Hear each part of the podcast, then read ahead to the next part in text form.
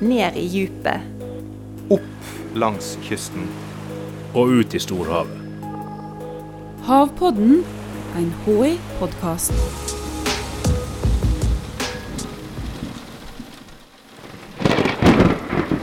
Det er lite som opptar oss nordmenn mer enn været.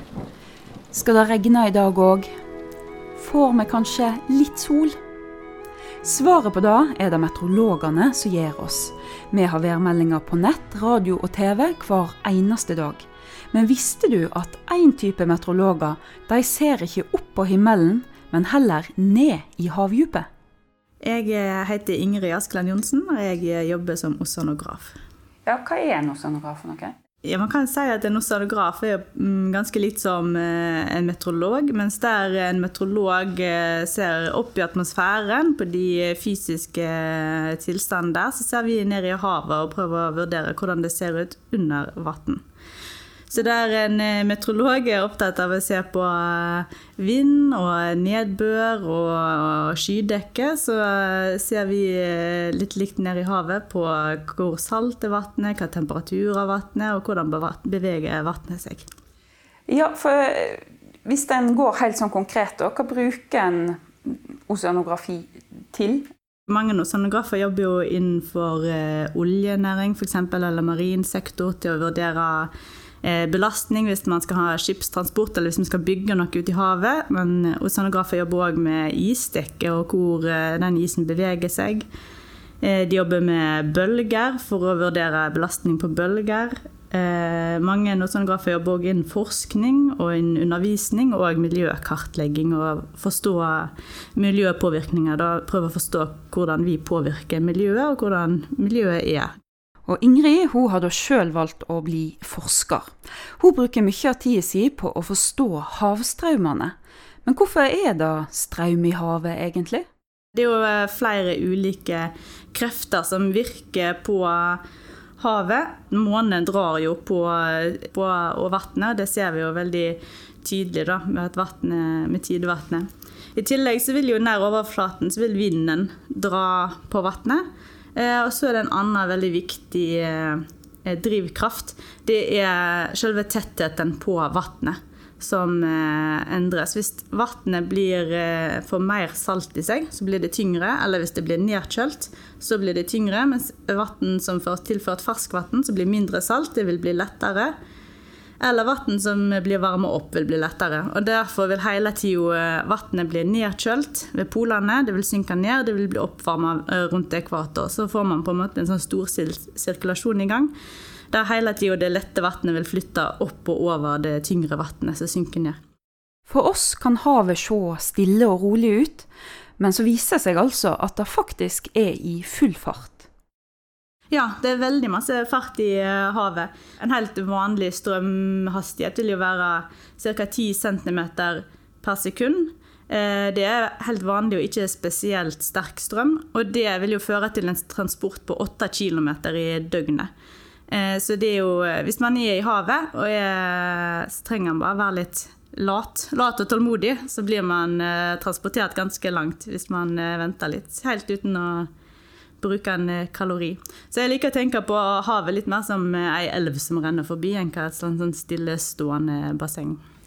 Ja, og Du nevnte transport, eh, for det er jo en del ting som går med disse havstrømmene som du er opptatt av. Ting som blir spredt.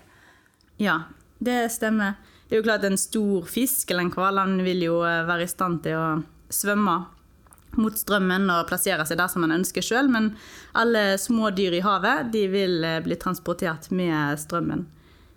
Og eh, ja, vi mennesker, vi er jo, de fleste av oss i alle fall, er jo opptatt av å litt begrense hvor masse avkom vi har, og så ønsker vi å ta godt vare på ungene våre i havet. Så har de fleste skapninger litt annen strategi. De får veldig små unger, veldig mange, og bare sprer de ut med vannmassene.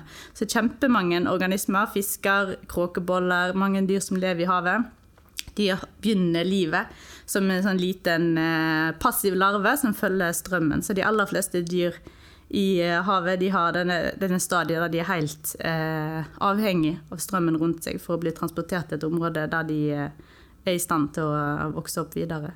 Og da kan du som oseanograf eh, prøve å finne ut hvordan de vil spre seg, og hvor de vil havne, disse babyene, om du vil.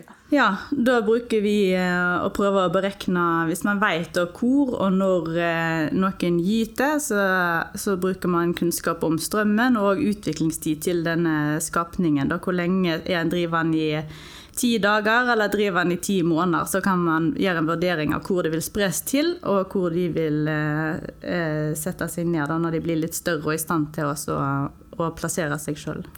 Men det er ikke bare små, uskyldige larver som driver rundt med straumen. Det gjør òg parasitter, sykdommer og virus.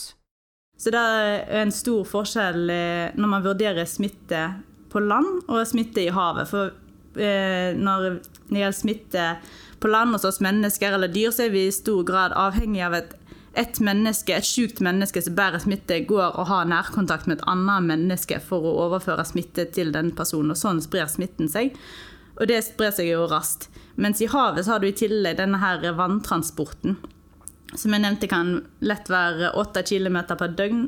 Så da får du fort i løpet av levetiden til virus eller til en parasitt, så kan du få spredning på, på eh, kanskje 10 mil uten at de to individene faktisk har vært i eh, kontakt, så kan du fremdeles få smitte. Og det er jo eh, denne smitten til havs. Eh, de, smitte, de sprer smitte masse lengre, og det er en langt vanskeligere jobb å begrense smitte i havet enn hva det er på land. Ja, for en sjuk fisk trenger ikke møte en annen fisk for smittende engang. De kan smitte på mange kilometer avstand bare med å være i det samme havet. Ja, ja, bare ved å oppholde seg oppstrøms fra den, eh, den syke, den syke fisken, så kan andre fisker bli smitta med lang avstand. En parasitt Ingrid bruker mye tid på, er den berykta lakselusa, som er et stort problem for oppdrettsnæringa. Lakselusa biter seg fast i laksefisk og gomler i seg. Får en laks nok lus på seg, kan den dø av skadene. Ei enkelt lakselus kan produsere store mengder egg, og disse eggene slipper hun rett ut i strømmen. Der kan de overleve i hele to uker. Så da vil man kunne risikere at et, et, anlegg som avluser, de kan få sin egen lus enten tilbake, eller at de har smitta naboanlegget, og så eh, etter de har avlusa igjen, så får de smitte i retur igjen fra naboanlegget. Så sitter man sånn og så smitter hverandre eh, imellom avlusningene. Når du forsker på dette, hva er det egentlig du da Altså hvordan gjør du det? I gamle dager så hadde de sånne små flasker som de kasta på havet. Og så fant folk igjen, da, fiskere eller folk som bodde langs med kysten, de fant igjen disse flaskene. Og så rapporterte de, sendte de flaskene i retur til Havforskningsinstituttet. 'Jeg har funnet ei flaske her og der.' Så fikk man en slags sånn bilde da, av hvor strømmen gikk, og hvor lenge, lang tid denne flaska hadde brukt på denne, på denne strekningen. Men eh, i dag så har vi òg noen bøyer som driver med strømmen. Eh, men som sender eh, GPS-posisjoner hvert døgn. I tillegg så er det jo noen som bruker satellitter for å se på overflatebilder av havet. Men det jeg jobber masse med, det er modeller. Og det er modeller som er bygd opp, det er matematiske modeller som er bygd opp i stor grad Det er på de samme prinsippene som de modellene som vi bruker til værvarsling. Da man delt eh, kloden opp i eh, små eh, ruter, små bokser, og så beregner man for hver boks eh, er, hvor masse blir vannet varmet opp her, hva er ferskvannstilførselen, er det fordampning? Hva er strålingen i overflaten? Alle disse fysiske prosessene som virker på havet, regner man ut for bit for bit for hele havet, og så får man en slags bilde på hvordan den storstilte sirkulasjonen ser ut. På hvordan temperaturen er, på hvordan saltet er, og hvordan det vannet beveger seg. Og Da bruker vi observasjoner eh, for å sjekke at modellen eh, stemmer da, noenlunde. At den er på rett spor, at den ikke er helt eh, eh, kjøre drift av.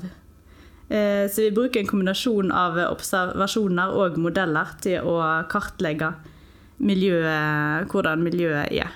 Og basert når man har temperatur, hvis man har salt og man vet strømmen i et område, så begynner vi å berekne hvordan eh, orga, altså organismer driver i dette strømsystemet. Og da kan vi berekne hvordan lakselus spres men når dere finner ut av dette her, eh, hva kan eh, samfunnet eller næringen sjøl kanskje bruke denne kunnskapen til? Jeg tror at hvis man får en, godt, en god oversikt over hvem som smitter hvem, hvem som, når man risikerer å få smitte fra andre, så kan man begynne å lage plan for hvordan man kan koordinere innsats. Næringen har allerede begynt å koordinere innsats i forhold til at de deler opp fjordområder i større områder. Så setter de ut fisk i hele området på likt, og så lar de det stå helt tomt i flere måneder i strekk for å redusere smitten i området, før de setter ut fisk koordinert igjen på nytt.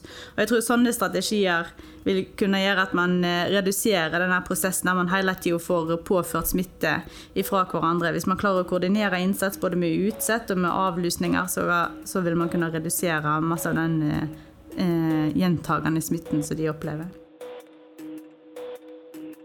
Havpodden er en podkast fra Havforskningsinstituttet. Jeg heter Stine Hommedal og jobber her. Teknisk produksjon og lyddesign var det Febril Film som sto for. Og du, du hører snart igjen.